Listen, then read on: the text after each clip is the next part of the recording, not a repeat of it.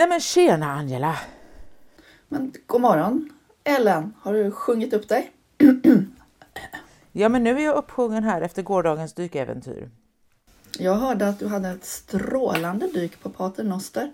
Inte bara ett, jag hade fyra strålande dyk med fantastisk makrellsvegetation. Foton? Kommer på Tångbloggen? Ja, det finns lite bilder. Kan, kan dyka upp, kan dyka upp. Det var ju arbetsdyk så jag hade inte så mycket tid att fotografera. Jag satt ju mest, eller låg ju mest och eh, räknade brunalgs täckningsgrad. Men du, vad bra, för då kan jag ju haka på det där med brunalger och börja med att gnälla.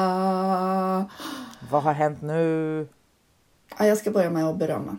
Göteborgsvarvet, är ju ett bekant eh, motionslopp här i Göteborg. Och de har gjort en fantastiskt och mycket föredömliga grejen att skippa engångsmuggar. Oh, så bra! Och istället så ska de använda en bubbla, vattenfylld bubbla som är gjord av brunalger. Och så kan man då svälja den och så löses den upp och så får man i sig vattnet. Eller man kan tugga lite på den eller bita. Men produkten heter Oho, kul namn. Och sen så skriver Göteborgsvarvet på sin hemsida att det är en vätskeboll tillverkad av sjögräs. Nej! Men åh, jag orkar inte. Hur många år har jag inte hållit på med det här? Vi, ah, nej. Och sen på något sätt så, så jag vet inte om det är, är värre eller om det är bättre, men sen i sista meningen här på hemsidan står det funktionärer i blåa västar som står längs banan under Göteborgsvarvet och delar ut algbollen. Så jag menar... Mm. Åh, nej men det här är någon sån här, nu har någon Google translatat. Det måste vara en sån sak. Jajamän, jag gick in på företagets hemsida, jag tänker inte säga vilket det är. jag gillar initiativet och då står det klart och tydligt Made from Seaweed. Ja. Och det är ett brittiskt företag vad jag förstår det och de är jättetydliga med att det är gjort av brunalger och så lite grann kort om processen. Det är ett helt fantastiskt initiativ, ingenting om det. Men där kom det jävla sjögräset igen. Alltså, jag tycker det är så lustigt att det sitter kvar så hårt och att Livsmedelsverket fortfarande inte har fixat till det här problemet. För att jag tycker ändå att konsumenter i Sverige är ju mer och mer medvetna om vad man stoppar i sig. Jätte, jätteviktigt. Oh, det måste vara kolhydrater och vilka av kolhydraterna ska vara socker. Men att bara missta sjögräs och alger. Mm. Det, det, är ju så episkt jättefel på en skala. Du kan inte ha det liksom i samma paritet med sådana här kostfiberinnehåll. Nej, det, det är liksom, bara, give a fuck, det är fel organism. Ja, jag vet inte, jag kanske får jag lite feeling kommer jag att skriva ett vänligt brev till Göteborgsvarvets hållbarhetsmänniska. Vi kanske ska tipsa dem om avsnitt ett, första säsongen i Algpodden helt enkelt. Utmärkt. Du kan även länka till några inlägg på Tångbloggen. Utmärkt. Eller så går vi dit och kastar vattenfyllda algbollar på dem. Kommer du ihåg för några avsnitt sen när jag nämnde att jag inte hade sett Kolpomenia, ostrontjuv? Mm. Då hade vi en av våra lyssnare som hörde av sig till mig och inte bara skickade bilder på ostrontjuv. Hon hade även sparat några ifall jag ville ha dem och gav mig en koordinat på en plats där det fanns mycket. Men det roliga var att jag tror att det är ett riktigt ostronstjuvsår i år. För några dagar innan jag fick hennes mejl så hade jag faktiskt sett dem ute i fält. Och nu i förrgår när jag var ute och dök strax söder om Strömstad så var det jättemycket ostrontjuv och de var, några var stora som fotbollar. Oj! Helt enormt. Och då tänker jag apropå algbollar, vi tar några sådana och slänger på dem så kanske någon märker skillnaden. Åh oh, vad roligt! Men du, ja. du måste förklara vad ostrontjuv är för något. Ja, ostrontjuv är ju en brunalg som ser ut som en liten, den börjar som en liten, liten, liten påse. Som, som den blir, det, det är ja, ett, ett cellager som är luftfyllt. Och så sätter det sig oftast då på någonting hårt, gärna ett ostron eller annan alg. Och sen när den växer så blir den större och större luftfylld som en stor ballong och till slut så kan den då lyfta det den sitter på om det inte sitter fast hårt. Och är det då ett ostron så flyter ostronet iväg, därav namnet ostrontjuv. För blir det många av de här då kan de lyfta väldigt många ostron från någons ostronfarm. Och jag tror att i år kan det nog transporteras både det ena och det andra fram och tillbaka för det var jättemånga. Som sagt, jag har inte, inte sett dem innan som jag har noterat och nu var det verkligen en plats var riktigt, riktigt mycket, ganska grunt sådär på två, tre meters djup. Jättehäftigt och ganska skyddad lokal också, inte så vågexponerat för de, de, då rivs de ju sönder för de är ganska wow. tunna. Mm. Alltså jag har bara sett de, de största jag sett, vad kan de ha varit då?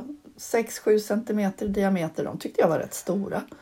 Ja, jag ska lägga ut några bilder så ska du få se. Den här var lätt som hela mitt huvud och det är inte ett litet huvud. Men du, det här måste du göra. Ja, ja. Gud vad häftigt. Mm, du, ska vi lämna ostrontjuvarna? Och algbollarna. Mm. Och prata lite sköldpaddor. Oh, detta kända sjögräs, sköldpadda. Eller hur? Men jag lovar, när vi pratade om valar och kiselalger så utlovade jag ju ett avsnitt där jag skulle gå in på sjö, eh, sköldpaddor och havsormar. Ja.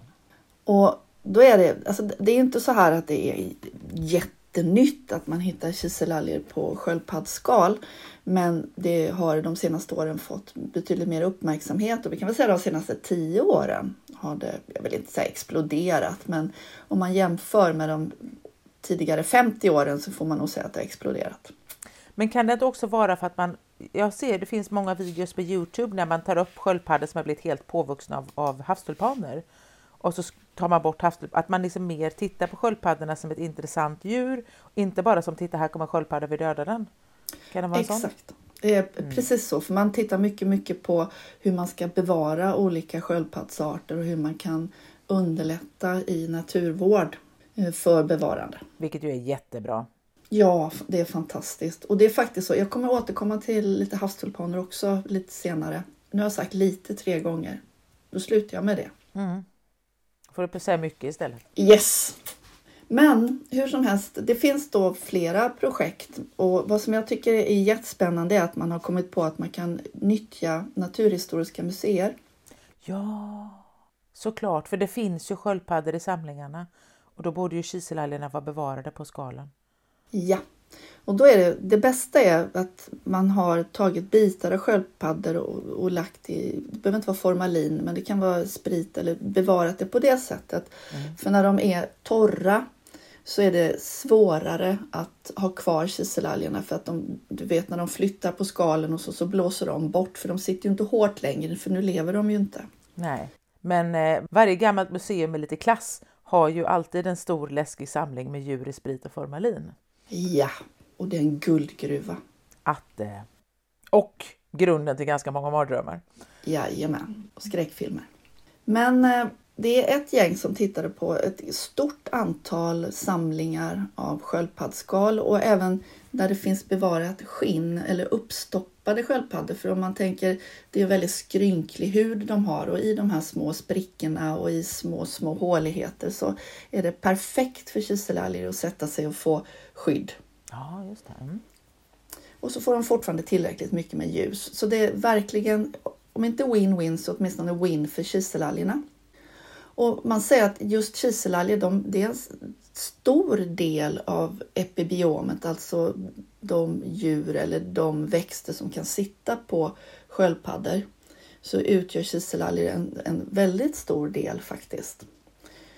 Och sen, som, precis som du sa, det kan finnas havstulpaner och det kan finnas mossdjur och det kan finnas svampar och det kan finnas Ja, även makroalger sitter ju på sköldpaddor. Det kan ju se ut som en, som en liksom helt liten, vet inte vad säga, skog nästan.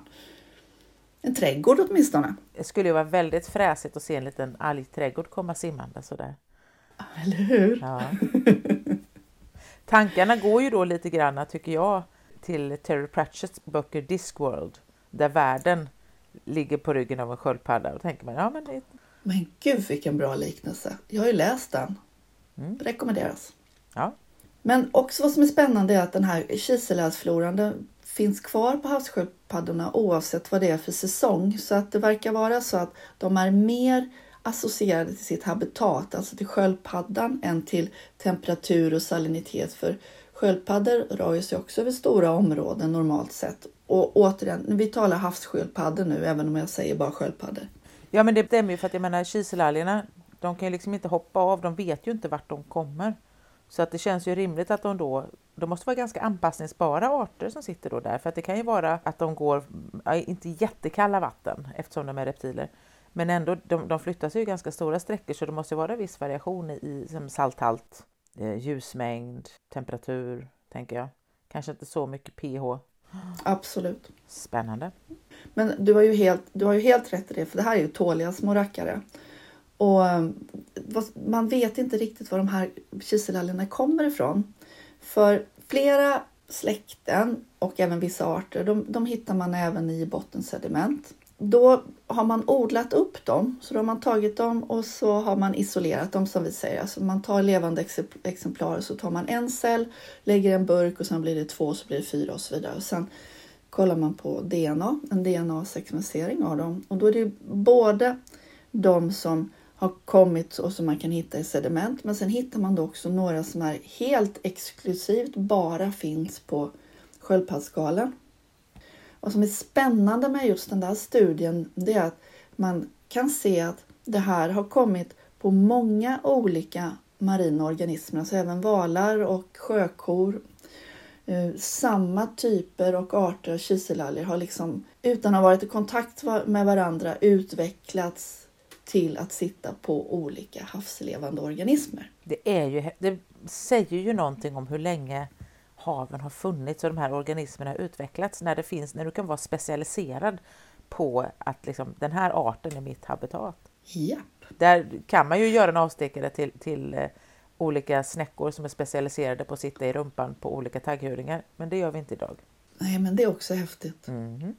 Hur som helst så, så väcker det man får väldigt många svar, men som forskare vet vi ju ett svar väcker tusen frågor. Yep. Och så är det även här.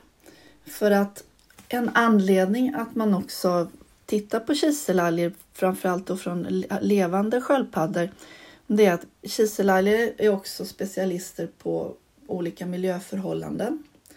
Och då vill man försöka hitta typer och associationer med om det har varit klimatförändringar, vad det varit för temperatur. Nu pratar vi museiexemplar också, eh, historiskt sett. Ja, precis. Ja. Och eh, då ska man även kunna, på sikt tänker man kunna hitta en samling av arter som skulle kunna indikera sköldpaddans hälsa dessutom.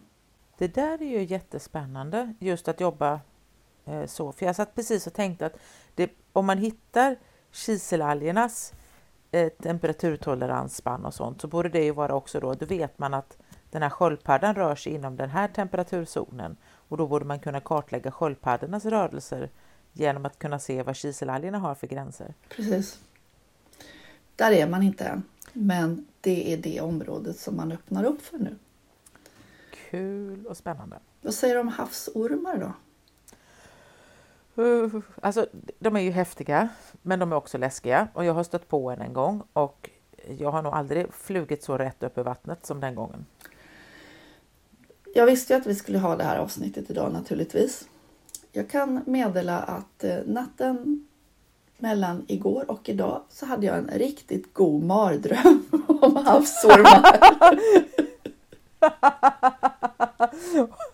Vi ska verkligen inte prata om havsormar, de är så läskiga. Alltså, de är ju inte farliga för människor om du inte liksom envisas med att gå fram och pilla på dem. Och de, de har så liten mun så de kan inte bita dig här i vecket liksom mellan fingrarna max.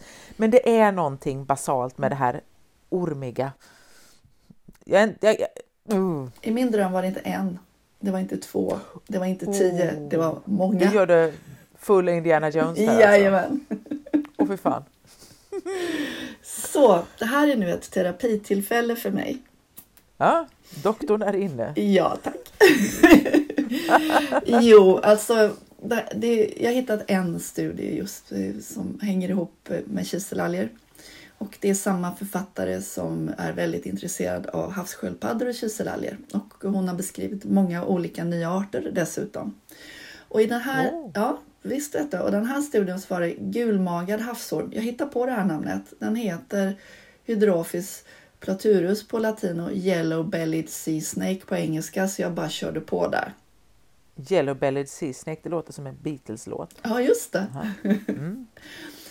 och I den här studien så använder de ormar både från museer, återigen Naturhistoriska museer, de låg i sprit, och eh, några levande exemplar. Jag tycker det är så otroligt häftigt att de hittade just den här speciella arten och den var ny. Den är inte helt lätt att uttala.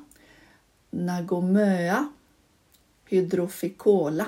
Det är alltså kiselalgen vi pratar om här. Mm. Sköldpaddan brydde jag mig inte om. Det var arten och kiselalg. Nej, jag tänkte säga det. Nagomöa hydroficola. Ja, mm. Intressant namn. Men intressant. Själva släktet finns även på andra ställen. Det är just den här arten som är då väldigt knuten till de här ormarna. Och de ömstar skinn, så det fanns alltså mest kiselalger strax innan ömsningen strax efteråt. Det är ju helt logiskt. Vänta, Men ormarna ömsar skinn? Inte kiselalgerna? Just say. Tack. Välkommen. Det är alltså ormarna som ömsar skinn och inte kiselalgerna. Tack. Mm. Och eh, det är en ny art och det häftiga är att den var totalt dominerande. Alltså över 95 procent av kiselhalsfloran på de här ormskinnen var just den här arten. Och om man jämförde med museiexemplaren och nyfångade exemplar så var det 23 års skillnad mellan dem. Så att det, de verkar ha hittat någonting här som är något. Man spekulerar ju då naturligtvis varför, återigen, miljonkronorsfrågan. Det är ont om ytor att fästa på så därför, ja men det är väl framförallt därför kiselalgerna sätter sig på, även på havsormar. Man vill ha en plats att sitta på. Vi har ju tidigare pratat mycket om det här att en yta att sitta på i havet är ju det som är begränsande. Det är liksom, ja. Alla vill ha en yta. Exakt. Det finns också en speciell sorts av havstulpan som är specialist att sitta på den här ormen. Va? Och man hittade kiselalgen även på havstulpanen. Ja, mm, såklart. Wow! Ja. Jag har bara svårt att se en orm som har fått påväxt av en havstulpan, men jag ser ju hur det funkar för ormens del eftersom den ömsar med jämna mellanrum så den blir av med havstulpanerna. Men som havstulpan, hur desperat är man? Väldigt spännande. Ja, nu ska jag ju faktiskt vara noga med att säga att det är en slarvig översättning av barnacle.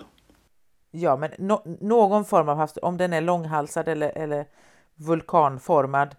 Precis. Den är inte vulkanformad. Nej, det är en sån här mm. liten långhals. Men, ja. men ändå.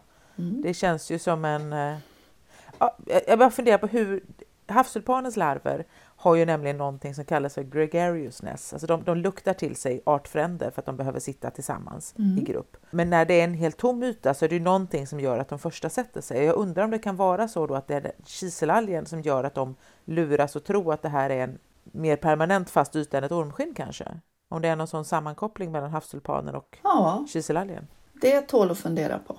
Ingen aning. Men hur som helst så är det en gåta hur kiselalgerna har hittat just den här ormskinnet, det här ormskinnshabitatet. För det här är en orm som hela tiden lever i vattenmassan, alltså i pelagialen och inte närmar sig botten i något stadium den här kiselalgsarten har man aldrig hittat i vattenmassan utan man har bara hittat den just på ormskinn.